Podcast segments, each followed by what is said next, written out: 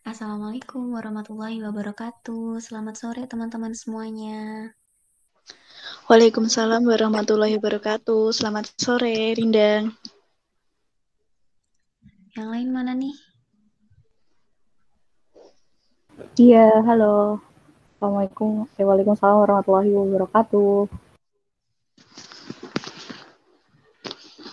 Oke, jadi di hari ini teman-teman semuanya, uh, podcast kita nih akan menemani sore hari kalian atau mungkin malam hari, pagi, siang, tergantung kalian kapan dengerinnya. Jadi sebelumnya perkenalkan namaku Rindang Anggun Istiqomah dari program studi bimbingan dan konseling angkatan 2020. Di sini aku nggak cuma sendirian, aku ditemenin sama tiga orang teman aku, ada Rafidah, Lulu, dan Risma. Oke, sebelumnya kita perkenalan dulu aja nih satu-satu, mulai dari Rafidah dulu deh. Silakan Rafidah. Bismillahirrahmanirrahim. Perkenalkan saya Rafidah Uswatun Hasanah, panggilannya Rafidah dari PGSD Surakarta angkatan 2020. Oke, salam kenal Rafida. Selanjutnya nih, ada Lulu. Silakan Lulu, perkenalan dulu. Selamat sore teman-teman. Perkenalkan, namaku Lulu Handayani, biasa dipanggil Lulu, dari Program Studi Pendidikan Bahasa Indonesia FKIP UNS Angkatan 2020. Salam kenal semuanya. Salam kenal juga Lulu. Nah, yang terakhir nih, ada Risma. Silakan Risma, perkenalan dulu. Halo, perkenalkan nama aku Risma Rahmawati dari Prodi Kimia UNS Angkatan 2020. Salam kenal. Salam kenal Risma. Oke nih teman-teman, udah perkenalan semua ya. Oh iya, ini kira-kira nih ya, kalian ini kan udah 8 bulan ya kurang lebih di rumah aja nih. Kegiatan kalian ini selama 8 bulan apa aja sih? Aku pengen tahu dong. Siapa aja deh yang mau jawab deh?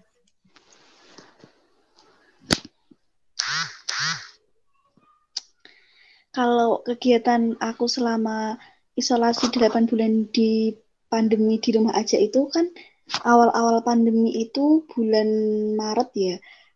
Itu aku mempersiapkan belajar UTBK kan baru lulus SMA lah. Terus aku manfaatkan waktu itu untuk belajar. Selain belajar, aku juga mem memanfaatkan waktu yang luang untuk membaca buku, terus membaca Al-Quran, terus membantu pekerjaan membantu pekerjaan rumah orang tua. Selain itu, aku juga bermain di rumah tetangga. Terus kita ngobrol-ngobrol, bermain ludo. Seperti itu kegiatan aku selama pandemi 8 bulan. Wih, seru ya. Banyak belajar juga, terus main-main sama tetangganya. Emang tetangganya anak-anak kecil atau gimana nih? Seumuran, jadi kan kalau ngobrol itu nyambung gitu loh bahasnya. Wah, seru dong. Kalau Risma ngapain aja nih selama 8 bulan nih di rumah? Sama sih kayak Lulu tadi yang pertama, tapi kalau sekarang sih kuliah online ya. Kerjain tugas. kayak gitulah. Iya sih bener ya, kuliah online dari pagi sampai sore, nugas sampai malam ya kan. Kalau Rafidah, apa aja nih kegiatannya? Uh, kalau aku sendiri sih kurang lebih hampir sama seperti mereka berdua, Risma sama Lulu. Itu nggak jauh-jauh beda sih. Biasanya sih awal-awal itu, awal-awal apa ya, masa pandemi itu masih sering males-malesan, rebahan gitu, kayak lupa waktu gitu. Terus akhirnya pas menjelang UTBK langsung ngejar deh, langsung ngejar UTBK, ngejar UM dan segala macamnya gitu terus belajar terus masak-masak gitu Kalau kamu sendiri gimana Rindang isolasi 8 bulan selama pandemi ini? Kegiatannya ngapain okay. aja? Uh, kalau aku sebenarnya karena aku gap year ya guys. Jadi tuh aku di rumah aja tuh udah kayaknya setahun lebih deh. uh, tambah 8 bulan pandemi gitu ya sama sih aku di rumah aja itu aku ngapain uh, aku belajar sih ya untuk persiapan UTBK 2020 selain itu aku juga oh kesibukan aku waktu itu kan selama Ramadan itu sempat bikin-bikin kue gitu guys. Bikin-bikin roti buat lebaran gitu juga sih sempat. Terus habis itu ngapain aja ya? Beres-beres Wah, sama dong. Ya, seru banget kan masak-masak kayak gitu. Kayak gitu aja sih, hmm, apa ya, cukup membosankan. Tapi tetap aja aku betah di rumah daripada keluar-keluar rumah. Oke, next. Eh, oh ya, menurut kalian ya, perbandingan kegiatan sebelum pandemi sama sesudah pandemi itu kayak gimana sih? Aku pengen dengar dari Risma deh. Kayak gimana menurut kamu, Ris?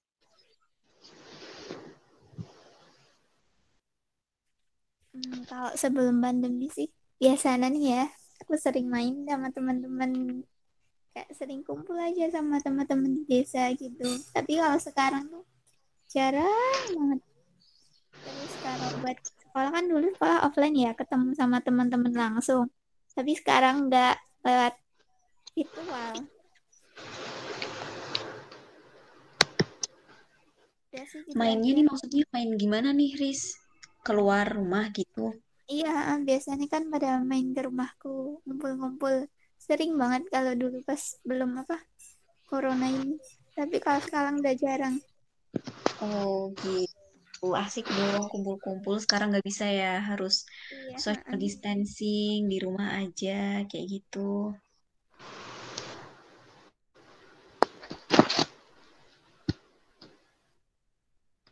Oh ya guys, berhubungan dengan eh, kegiatan-kegiatan nih ya.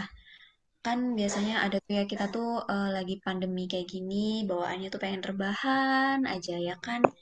Nah, kalau kayak gitu kan kita tidak menghasilkan apa-apa gitu kan. Kalau cuman rebahan aja. Kira-kira nih menurut kalian ya, aku tuh pengen tahu deh, produktivitas menurut kalian tuh apa gitu. Aku pengen dengar dari Rafida deh. Rafida, menurut kamu produk- produktivitas itu apa sih? Eh, kalau menurut aku, produktivitas itu memanfaatkan waktu luang yang kita miliki untuk berkegiatan yang bermanfaat. Seperti intinya bertujuan untuk menambah pengalaman, menambah ilmu, seperti itu.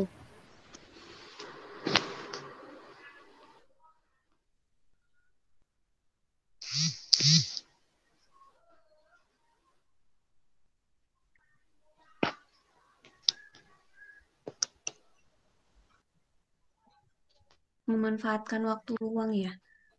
Hmm, kalau Rafida sendiri udah produktif belum sih kalau selama ini? Kalau aku pribadi, aku belum produktif gitu. Lah, kenapa tuh? Kenapa belum produktif nih? Karena masih sering melalaikan waktu sih. Jadi kayak waktunya itu kayak terbuang sia-sia gitu. Oh gitu, terbuang sia-sianya kayak gimana nih maksudnya? Kayak misal rebahan atau nonton YouTube aja sampai lupa waktu gitu? Iya, misalnya kayak gitu. Oke, nah kalau menurut Lulu nih, tipe-tipe orang yang produktif itu kayak gimana sih Lu? Eh, kalau menurutku tipe-tipe orang yang produktif itu yang pertama orang produktif itu selalu memiliki tujuan dan target yang jelas. Yang kedua selalu memiliki skala prioritas. Terus pandai mengatur waktu. Orang produktif itu selalu fokus terhadap pekerjaannya, mengerjakan sesuatu dengan sungguh-sungguh. Terus kalau orang produktif itu juga mengambil keputusan dengan sangat matang. Menurutku gitu sih orang produktif itu. Kalau menurut kamu gimana tipe-tipe orang produktif itu? Eh, kurang lebih sama sih kayak yang kamu omongin tadi, apalagi yang ini ya benar-benar memanfaatkan waktu sebaik mungkin gitu kan untuk kegiatan-kegiatan yang bermanfaat. Terus sama aku setuju sih yang kamu bilang tadi eh, mempunyai skala prioritas. Jadi kita harus punya ya skala prioritas untuk segala kegiatan kita supaya kita tuh eh, nggak keteteran gitu ketika melakukan kegiatan-kegiatan. Nah, terus nih aku pengen tahu nih, produktif versi kalian itu kayak gimana sih, guys? Ada yang mau jelasin ke aku nggak? Risma, boleh deh Risma.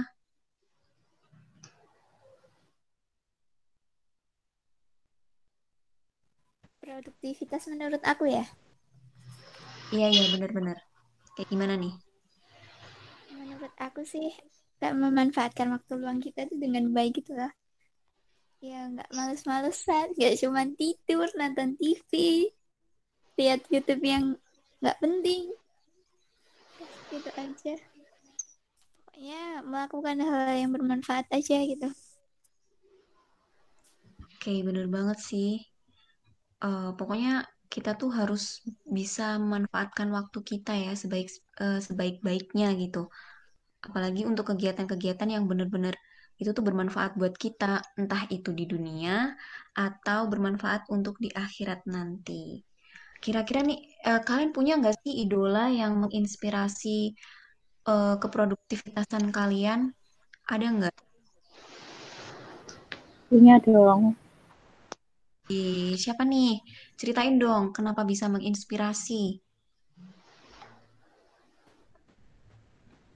Uh, kalau aku sih, kalau zaman sekarang ya, itu ada dua.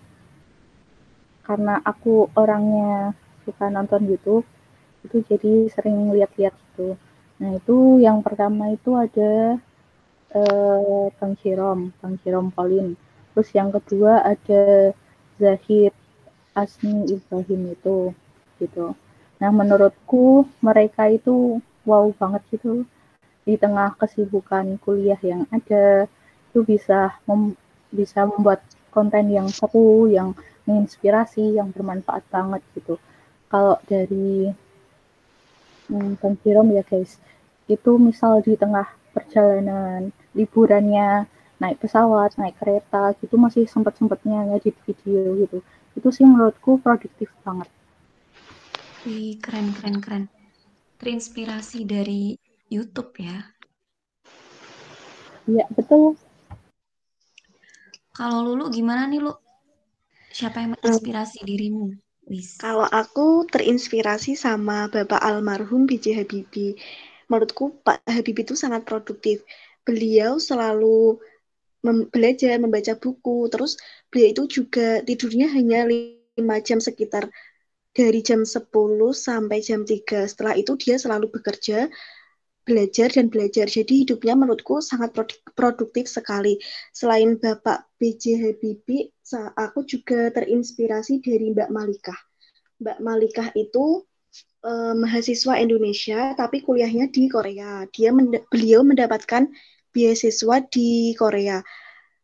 Sel dia itu selalu membuat jadwal kegiatannya sehari-hari itu loh dari misalnya dari bangun tidur, dia itu mandi, terus baca buku, di, di jadwal secara teratur. Jadinya beliau itu tidak memiliki waktu luang yang disia-siakan. Menurutku gitu sih Mbak Malika itu hebat sekali. Keren, keren, keren. Sampai kuliah di luar negeri ya. Semoga kita-kita nih bisa nyusul nih kuliah di luar negeri, terus dapat beasiswa gitu ya. Amin. Amin. Amin. Amin. Kalau Risma siapa nih Ris yang menginspirasi nih? Ada sih satu uh, hmm, seorang selebgram namanya Dena Haura. Oh iya iya tahu tahu tahu. Uh, terus kenapa tuh? Kenapa bisa menginspirasi? Gimana ya? Ya karena emang tiap hari itu ya udah bener sih kayak siapa? Lulu ya tadi. Eh kan eh Lulu atau Rafida sih? yang udah disusun itu loh tiap hari udah ada plannernya. Oh, saya Lulu. Saya uh, udah mengatur hari ini itu apa aja yang mau dilakuin kayak gitu. Iya bener banget itu membantu kita untuk selalu menaati peraturan terus jadi kita itu menjadi pribadi yang disiplin juga kalau punya jadwal terstruktur begitu. Iya. Bener sih, apalagi kalau uh, ini ya kita ngelis dari pagi-pagi abis subuh gitu ya. Kita ngelis kegiatannya mau apa aja nih hari ini gitu kan. Jadi semuanya kegiatan tuh terstruktur dengan baik gitu ya. Mantap, mantap. Oke. Oh iya, kalau kamu ya gimana kalau gimana? kamu sendiri punya anu nggak inspirasi produktif kamu dari siapa? Oh, kalau aku, ya, aku ada satu, yaitu Asma binti Abu Bakar. Wede, mantap banget. Jadi, Keren. Asma binti Abu Bakar ini adalah eh, sosok yang menginspirasi aku kenapa bisa produktif gitu ya. Karena dia tuh benar-benar hari-harinya tuh diisi dengan bermacam kegiatan yang bermanfaat.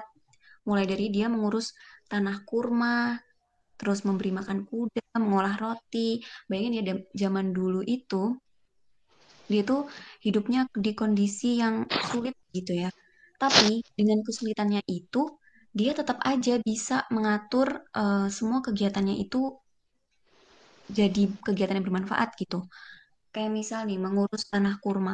Tanah kurmanya yang dimiliki eh, Abu Bakar itu jauh kan ya lokasinya dari rumah rumah mereka gitu.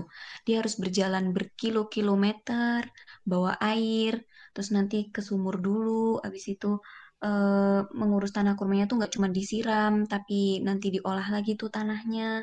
Habis itu mengolah roti ya, mengolah roti zaman dahulu itu kan nggak nggak langsung di mixer gitu ya bahan-bahannya. Itu kan pasti bikin tepung dulu dari gandum dan segala macam. Pokoknya tuh apa ya dengan kesulitan-kesulitan itu dia justru jadi sosok yang produktif gitu. Nah, aku terinspirasi dari Asma binti Abu Bakar ini guys, karena gimana ya kita tuh udah dikasih fasilitas hidup yang enak gitu. Tinggal kitanya aja nih mau nggak memanfaatkan fasilitas-fasilitas itu untuk eh, sesuatu yang bermanfaat kayak gitu sih. Wow. Keren sekali. Oke, nah yang terakhir nih teman-teman sebelum kita mengakhiri ya.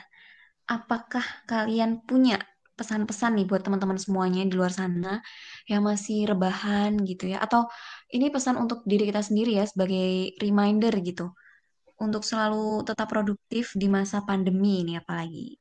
Silakan silakan. Eh, aku dulu ya mungkin. Oke. Eh, teruntuk teman-temanku semua, tetap semangat. Selalu jaga mood, walaupun masih di era pandemi, kita harus selalu melakukan perubahan ke arah yang lebih baik. Manfaatkan waktu luang sebaik mungkin. Isi kegiatan dengan hal-hal positif. Lalu, jika kalian terpaksa harus keluar rumah, jangan lupa taati protokol kesehatan dengan memakai masker, menjaga jarak, dan selalu mencuci tangan. Semoga kita semua menjadi orang yang sukses. Tidak hanya sukses di dunia, semoga kita juga sukses di akhirat. Amin. Amin. Amin amin ya Rabbal. Amin. Eh lanjut. Apa nih? Aku boleh ya. Oke. Nah, untuk pesan-pesan buat teman-teman yang di luar sana supaya tetap produktif gimana?